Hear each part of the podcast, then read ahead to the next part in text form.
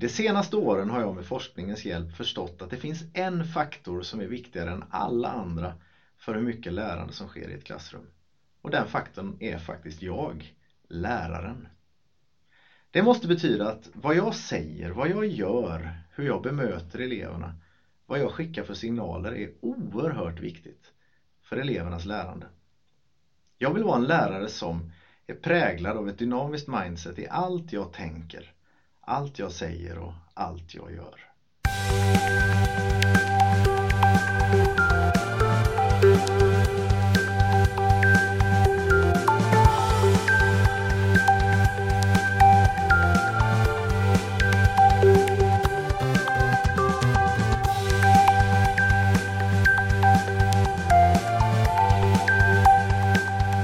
Hej och välkomna till podden Jag vill vara en lärare som. En podd där vi pratar om lärande. Och vi som gör detta heter Daniel Johansson. Och Daniel Dahlström. Och vi jobbar som SO-lärare på Furulidskolan i Aneby. I förra avsnittet. För det är tredje avsnittet nu. Det är faktiskt tredje. I förra avsnittet så pratade vi om grunderna i mindset. Och um, vi sa att vi skulle gå vidare den här gången och det är precis vad vi ska göra. Ja. Vi ska gå vidare och titta på vad det då får för konsekvenser för min lärarroll.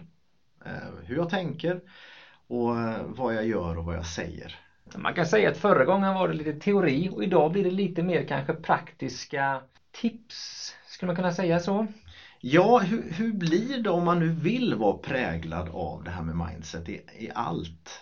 Ja. Hur, hur blir det då? Vad Mm. är det man sträcker sig efter? Vad är det man Mm. vill? Och hur agerar vi? Mm. Eh, vi kommer göra som så att vi kommer prata lite utifrån tre aspekter skulle man kunna säga kring det här. Och de har redan framkommit. Ja, i din introduktion här. Men vi kommer prata lite om hur jag tänker kring detta med mindset och hur jag ser på mina elever, alltså mitt tänkande. Hur det får präglas av detta. Och en väldigt viktig punkt är, är vad jag säger. Mm. Vilket språkbruk jag har. Ja, och sen kommer jag också prata lite då vad resulterar detta i att jag gör? Alltså hur hanterar jag olika situationer och hur bemöter jag elever? Eller lite så. Mm, tre delar. Tänker, säger, gör. Det blir ju en riktig trepunktsstruktur här. Ja, det blir fint. Ja. Vi börjar med tänker. Ja, Vad ska vi ha för ingång där? jag tänker lite, jag tänker lite att eh, det handlar ju en hel del om hur vi ser på elever. Mm. Mm. Man skulle kunna börja säga någonting som vi, som vi inte försöker tänka. Ja. Eh, Vi har rört oss bort ifrån, eller försöker röra oss bort ifrån det här med etiketter på elever. Mm. Vad skulle en etikett kunna vara på en elev? Alltså något väldigt vanligt i skolans värld är det här med så kallade svaga och starka elever. Mm. Eh, Förr i tiden använde man väl andra ord men idag används väldigt mycket dem.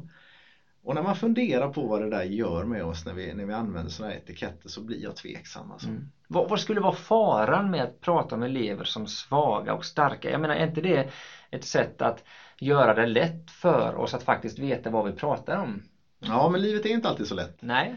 Eh, Min tanke är att eh, de här etiketterna kan få oss att slå oss till ro. Liksom. Att vi, vi tror att elever är färdiga. De är antingen svaga eller starka. Sådär. Och det är inte mycket vi kan göra åt det. Okej? Mm. Och det känns ju som det är väldigt, väldigt långt ifrån tank, tänket med mindset. Mm. Och med growth mindset då. Mm. Alltså det här att elever faktiskt kan utvecklas och, och hela tiden kan eh, förbättra sig och, och utveckla sina förmågor. Mm. Eh, Om man då är en svag elev, ja, det signalerar inte det att man Mm. faktiskt inte ens kan det då? Nej. Nej, eh, jag håller med. Det finns andra etiketter också som vi kanske lägger på elever. Ja, Och även på eh, kollegor och på oss själva också tänker jag. Men just det här med etiketter. absolut. Eh, Det finns, eh, finns ett tänk att man kan se nästan från början vad en elev kommer få för betyg och sådär. Hör man ibland en diskussion kring. Det är en typisk A-elev eller sådär. Det känns inte heller så bra. Nej. Det finns ju en risk i det, tänker jag, att jag aldrig ger den här eleven chansen för att jag redan från början har en föreställning om hur den kommer reagera. Jag kanske bedömer eh, den här elevens svar utifrån en för, föreställning som jag har att ja, det, det kommer nog inte nå mer än så här och då kanske man, det blir någon slags självuppfyllande profetia att det blev inte Ja, men bättre så. precis. Fast det egentligen är det. Jag ser inte kvaliteten därför att jag har ett, det här, den här etiketten som en, ett eh, slags filter. Ja, och det motsatta också. Elever som man har tänkt är en A-elev. Kanske man övertolkar saker hela Ja, tiden precis. och, man ser mer än vad som finns där. Liksom. Mm. Och då ger jag inte eleven chansen. Nej, inte alls. Nej. Eh, Och, och det här står i stark kontrast till tänket in, inom growth mindset där man Mm. försöker utveckla varje elev och se varje elev där den är Mm. och jobba därifrån. Liksom. Mm. Precis. Etiketter, ja. Det är ju en del i hur vi tänker, alltså hur vi ser på eleven. Ja, precis. Och, Ja. och hur vi ser på när elever lyckas eller misslyckas och sådär så är det ju också ett sätt att se på elever. Vad är förklaringen till att det går bra eller dåligt? Mm. Talang, Ja, troligtvis. är det det? Ja, men liksom då, då har vi ju problem tycker jag. Ja. Utan vi, vi behöver träna oss i, vi behöver bli bättre på eh, att, att se eleven där den är och träna därifrån. Mm. Så att se förmågeutvecklingen i fokus. Liksom. Mm. Det här tänker jag är jätteviktigt för det, det, det kommer ju prägla hela mitt sätt att arbeta med eleven. Vad jag ser för potential, för möjlighet att faktiskt kunna utvecklas utifrån att träna på rätt sätt. Att eh, göra det här lilla extra, att, att det faktiskt finns en möjlighet att ansträngning kan belöna sig. Vi var inne lite på hopp förra gången. Ja. Och har jag ett hopp att eleven ska lyckas? Det ligger ju också i det här med etiketter. Mm, Eller har jag inte det? mm, Och hur, hur beter jag mig då? mm. Hur mycket anstränger jag mig som du säger och sådär. Mm. Bra, så där, där har vi lite om hur vi tänker och det ligger ju lite till grunden för hur vi också både vad vi säger och vad vi gör. Men vi behöver ju ha en, en värdegrund eh, när vi jobbar med mindset, att vi, vi liksom är noggranna med att hur vi tänker för det präglar ju vårt sätt att både säga och göra. Jag tror att både du och jag upplever att, att vi har förändrats Ja. hur vi ser på det här. Ja, Och att det är det som är en av de häftigaste grejerna, att vi ser faktiskt på elever på ett annat sätt nu. ja, Och jag vill utvecklas mer åt det hållet. Ja. Alltså jag vill, vill känna hopp för alla elever Mm. och, och låta det prägla min lärarroll. Mm. Språkbruk, alltså hur vi säger, vad vi gör, eh, inte gör utan vad vi säger, eh, är ju otroligt viktigt. Här är kanske en av de största nycklarna till att eleverna faktiskt får ett eh, rätt mindset, ett dynamiskt mindset. Mm, det finns mycket som tyder på det. Och det är liksom gränssnittet mellan oss och eleverna ofta, Mm. är ju vad vi faktiskt säger. Vi har ju börjat indoktrinera våra elever kan man säga med ett litet eh, ord på två bokstäver. Ja, det är inget som är stort ord, fantastiskt. men det är ett fantastiskt ord. Ja, Carol Dweck säger att hon har blivit kär i detta ord. ja, Eh, Och jag håller nog med tror jag. ja. Eh, Ordet är en. Mm. Man skulle kunna använda ännu också. Men Mm. eh, en ligger lätt bättre i munnen tycker jag. Ganska ofta när jag har, ställer frågor till mina elever så kan jag mötas av svaret Jag vet inte. Mm. Då har jag börjat säga, vänta lite nu, det, var, det här var fel svar. Ja, men jag vet inte, ja, vänta lite. Jag vet inte och så säger halva, halva klassen en. Jag vet inte om de blivit trötta på det här. Troligtvis blir de det. Men, men det är bra. Ja, det gör någonting med atmosfären alltså. Ja, jag kan inte. En. Det, det vänder ju där liksom. Det, Ja. Och vi pratar ju om hopp och, och det finns ju inget ord som förmedlar så mycket hopp tror jag som ordet en. Ja, för det innebär ju faktiskt att det finns en, en annan möjlig fortsättning än att vara kvar i detta icke-kunnande eller icke-vetande. Det vänder varje problem till en möjlighet. Ja, Så är det bara. Och Ja. eleverna kommer liksom inte undan då. ja. Ibland blir jag kan inte bara någon sorts nästan som en, en väg ut ju. Mm. Och det, särskilt om, om eleven är, tänker utifrån ett fixed mindset eller ett eh, statiskt mindset som vi försöker säga nu. Mm. Eh, Då, då kommer de ju undan med jag vet inte. Nej. Nej men precis. Men lägger vi till en då, då kommer det ju en process därefter. Mm. Jag kan lära mig det. Mm. Och det där tänker jag i vissa kontexter är inte det så konstigt. Till exempel det här med att lära sig cykla eller att eh, lära sig jonglera eller vad som helst. Där kan man mycket väl tänka jag kan inte detta än. För så är det ju när man aldrig har tränat. Man vet att det behöver tränas. Men i vissa kontexter känns det som att det är väldigt lätt att man fastnar i det statiska. Att jag kan inte detta eller jag kan det. Mm. Men att man får, för över den synen på att ja, men jag kan lära mig det här också. Och det står ju i kontrast till det här tänket att jag är en sån som inte kan det här. Ja, precis. Och det försöker vi ju aldrig någonsin låta passera i klassrummet. Nej, Utan vi vänder alltid till, nej men du kan det inte än. nej. Vi brukar också nöta det här att smart är ingenting man är, det är någonting man blir, säger allihopa. Underbart. Ja, eh, lite indoktrinering där. Så. Eh, Men oh så viktigt. Väldigt, väldigt viktigt. Något annat som jag tänker på det här med säger, för det här ordet en, det säger vi ofta, men något annat som vi faktiskt säger det är ju våra små kommentarer som ofta vi använder för att uppmuntra elever, för att peppa elever och som ofta görs med en väldigt god vilja men som ibland också kan ge fel effekt om det inte blir riktat på rätt sätt. Och jag tänker på det här med beröm och feedback lite, alltså de här kommentarerna för att peppa och hjälpa varandra. Jag tror att lärare är en, alltså lärarkåren älskar att berömma. Mm. Man vill verkligen lyfta sina elever, det vill vi ju. Mm. Eh, Men det, det gäller att göra det på rätt sätt har, har blivit klart, Mm. tycker jag, när man tänker kring det här. Alltså, om jag berömmer elevers talang, då cementerar jag ju ett statiskt mindset. Mm. Och det vill jag inte! Vad duktig du är på detta. Du har sånt musiköra. Mm. Eller vilken författare du är. Eller om man bara säger bra utan att egentligen på något sätt säga vad det är som är bra. Då får man också någon slags känsla av att Jaha, jag är bra eller eh, man vet inte riktigt vad det är som Men vad är det vi ska rikta oss in på då? Ja, jag tänker mycket på det här att absolut slänga sig med positiva kommentarer men att faktiskt vara väldigt konkret i det man säger att det här du gör här det är bra eller när du tränar det här så blir det ett väldigt bra resultat att man pekar på framgångsfaktorer eller pekar väldigt konkret på vad det är som är bra i det man gör. Det kan vara ganska enkelt om, det, om, det, om en elev kommer med ett, med ett bra arbete att visa för dig. Då finns det olika sätt att, att, att bemöta det. Oj vilket fantastiskt resultat eller sådär kan man prata om. Eller så kan man säga det här har du lagt ner jobb på. Mm. Nu blir jag imponerad. Mm. Oj vad du har kämpat liksom. Och på så sätt så berömmer man ju själva ansträngningen, arbetsinsatsen. Eller kanske modet att ge sig på något svårt. Ja. Wow, valde du den här uppgiften eller det här ämnet? Mm. Häftigt. Mm. Ja men precis och jag tänker också att man mm, i detta då eh, är väldigt konkret att den här formuleringen du har gjort är väldigt bra att man blir konkret i att man säger att eh, eh, feedbacken blir riktad mot vad man har gjort. Eh, förstår du vad jag menar? Mm. Det är ju en skillnad mellan beröm och feedback. Som, Ja. som vi säger ibland att beröm är lite vagt och lite allmänt och, Ja. och är mer på, mot egenskaper och sådär. Medan feedback är, specifikt och oftare riktat mot en process. Ja och när vi säger alltså beröm då pratar vi lite om det här lite mer vad ska man säga mm, oriktade berömmet som man kanske bara slänger sig med som egentligen inte har någon Inte ha så mycket fokus. Nej, det är fokus, nej precis det är bra.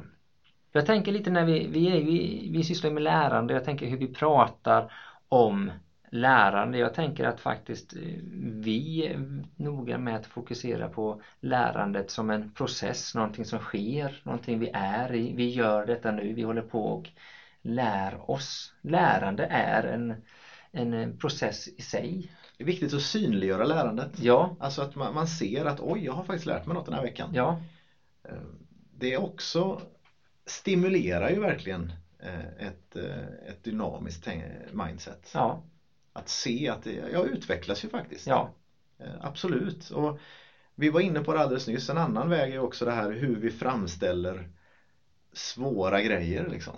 Är det attraktivt eller är det något man undviker? mm, Vi vill ju verkligen prata om svåra utmaningar och sådär som något som man, man ska tycka är lite häftigt att ge sig på. lite intressant. Intressant! Mm, Alltså, spännande. Lätt är tråkigt. Mm, Men, men eh, utmaningar är spännande. Liksom. mm. Det signalerar ju också på ett riktigt skönt sätt ett dynamiskt eh, mindset. Spännande och utvecklande. Ja, det blir ju förlängningen. Det blir förlängningen. Och om jag inte ger mig på något som är svårt eller lite utmanande, ja men då sker ingen utveckling. Nej, precis. Jag lär mig ingenting. Mm.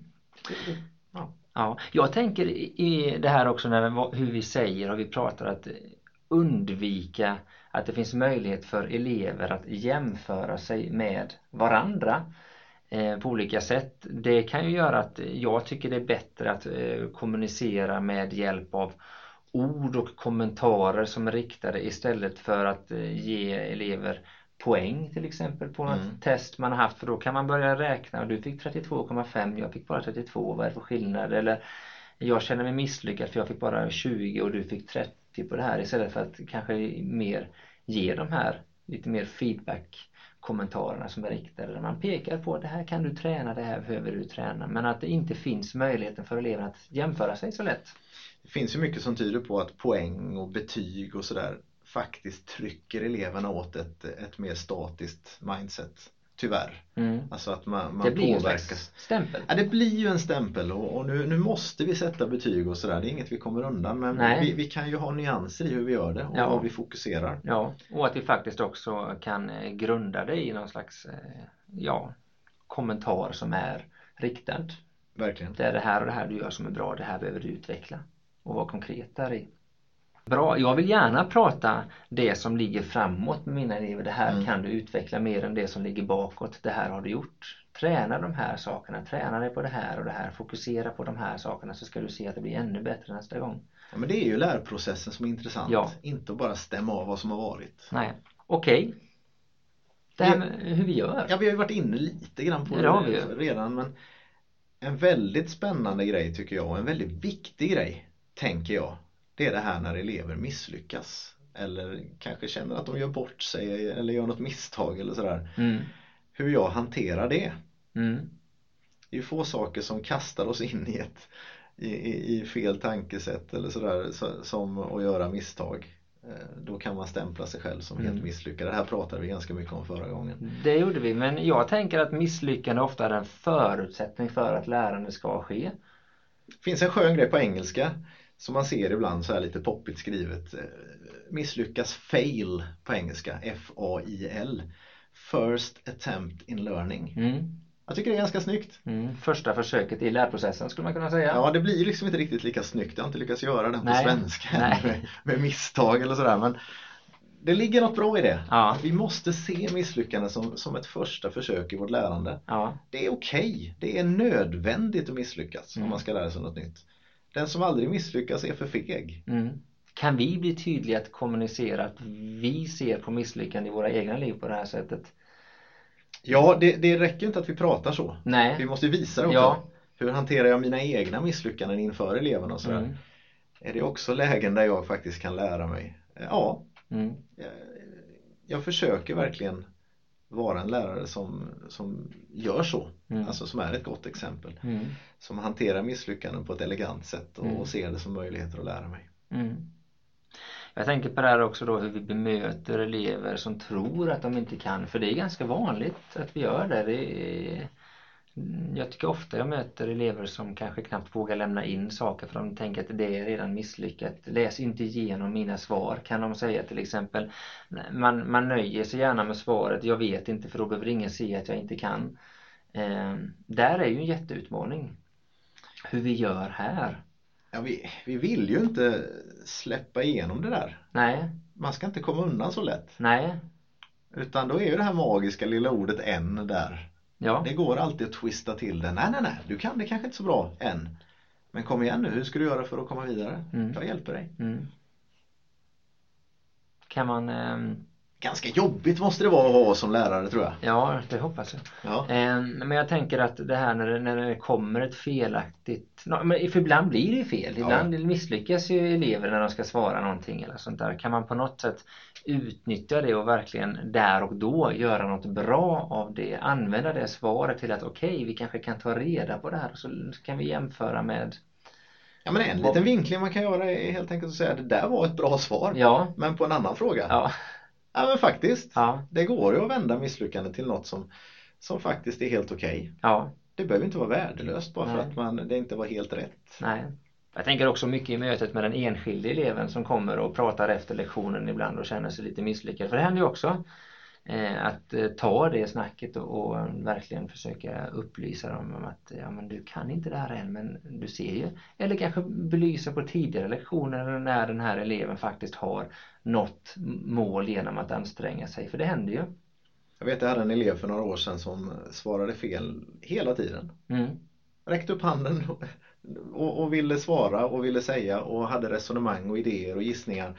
Men det var väldigt sällan rätt. Mm. Men det, jag gav den feedbacken till eh, utvecklingssamtalet och till hennes mentor att det här var det, det, var det bästa hon gjorde. Mm.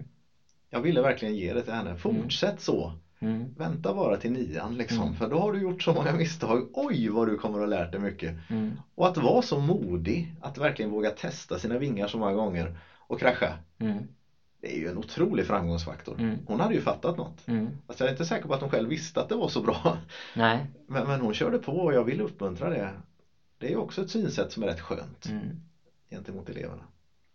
Bra. Tänker, säger, gör. Vi har pratat lite om det. Jag tänker på en sak till Daniel här och jag- vet ju att ibland möter jag elever som sitter ganska djupt fast i någon slags bild av sig själv och det kan ha kommit ganska tidigt i åren och så att det, är någonting som har präglat dem och de känner sig Alltså det, det här, det räcker inte bara med det här ordet än och det räcker inte bara att vi liksom lyfter det här med med, med, att eh, jag tänkte säga det här med misslyckanden och att det är något bra och sånt där utan det, det sitter djupare än så. Och någonting som jag också faktiskt har förstått kan hjälpa till, för ibland så vill man jobba med sitt mindset, det är att faktiskt bli medvetandegjord om att det kan finnas olika mindset som ligger till grund för det här. Att man faktiskt vet om det även som elev att ja, det, det, det är så här va? ibland så ser man sig man sätter stämpel på sig, man har någon slags statiskt mindset. Jag använder ibland en bild av att det sitter två gubbar på axlarna. Liksom. Mm, Den här lite klassiska bilden med en djävul och en ängel. mm, Eh, Och det är lite så med mindset. Att det, Mm. si- det kommer att sitta en på din axel och, och, och viska i ditt öra att du kan inget, det är ingen idé du försöker, du är inte en sån som. Och sådana där grejer. Men det, det handlar ju lite grann om att bli medveten om det. mm, Alla hör vi ju den där rösten ibland. Mer eller mindre ofta och inom olika områden. mm, Men om jag är medveten om att, att det där är någonting som kommer att hända och som jag kanske kan hantera, mm, då är det ju en helt annan grej. Jag kanske kan välja att lyssna på den andra rösten mm, istället. mm.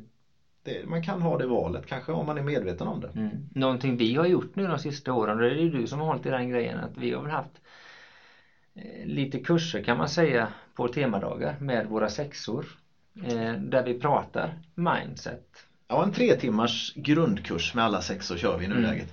Jag tror vi skulle göra mycket, mycket mer. Mm. Och återkomma i sjuan och åttan och nian.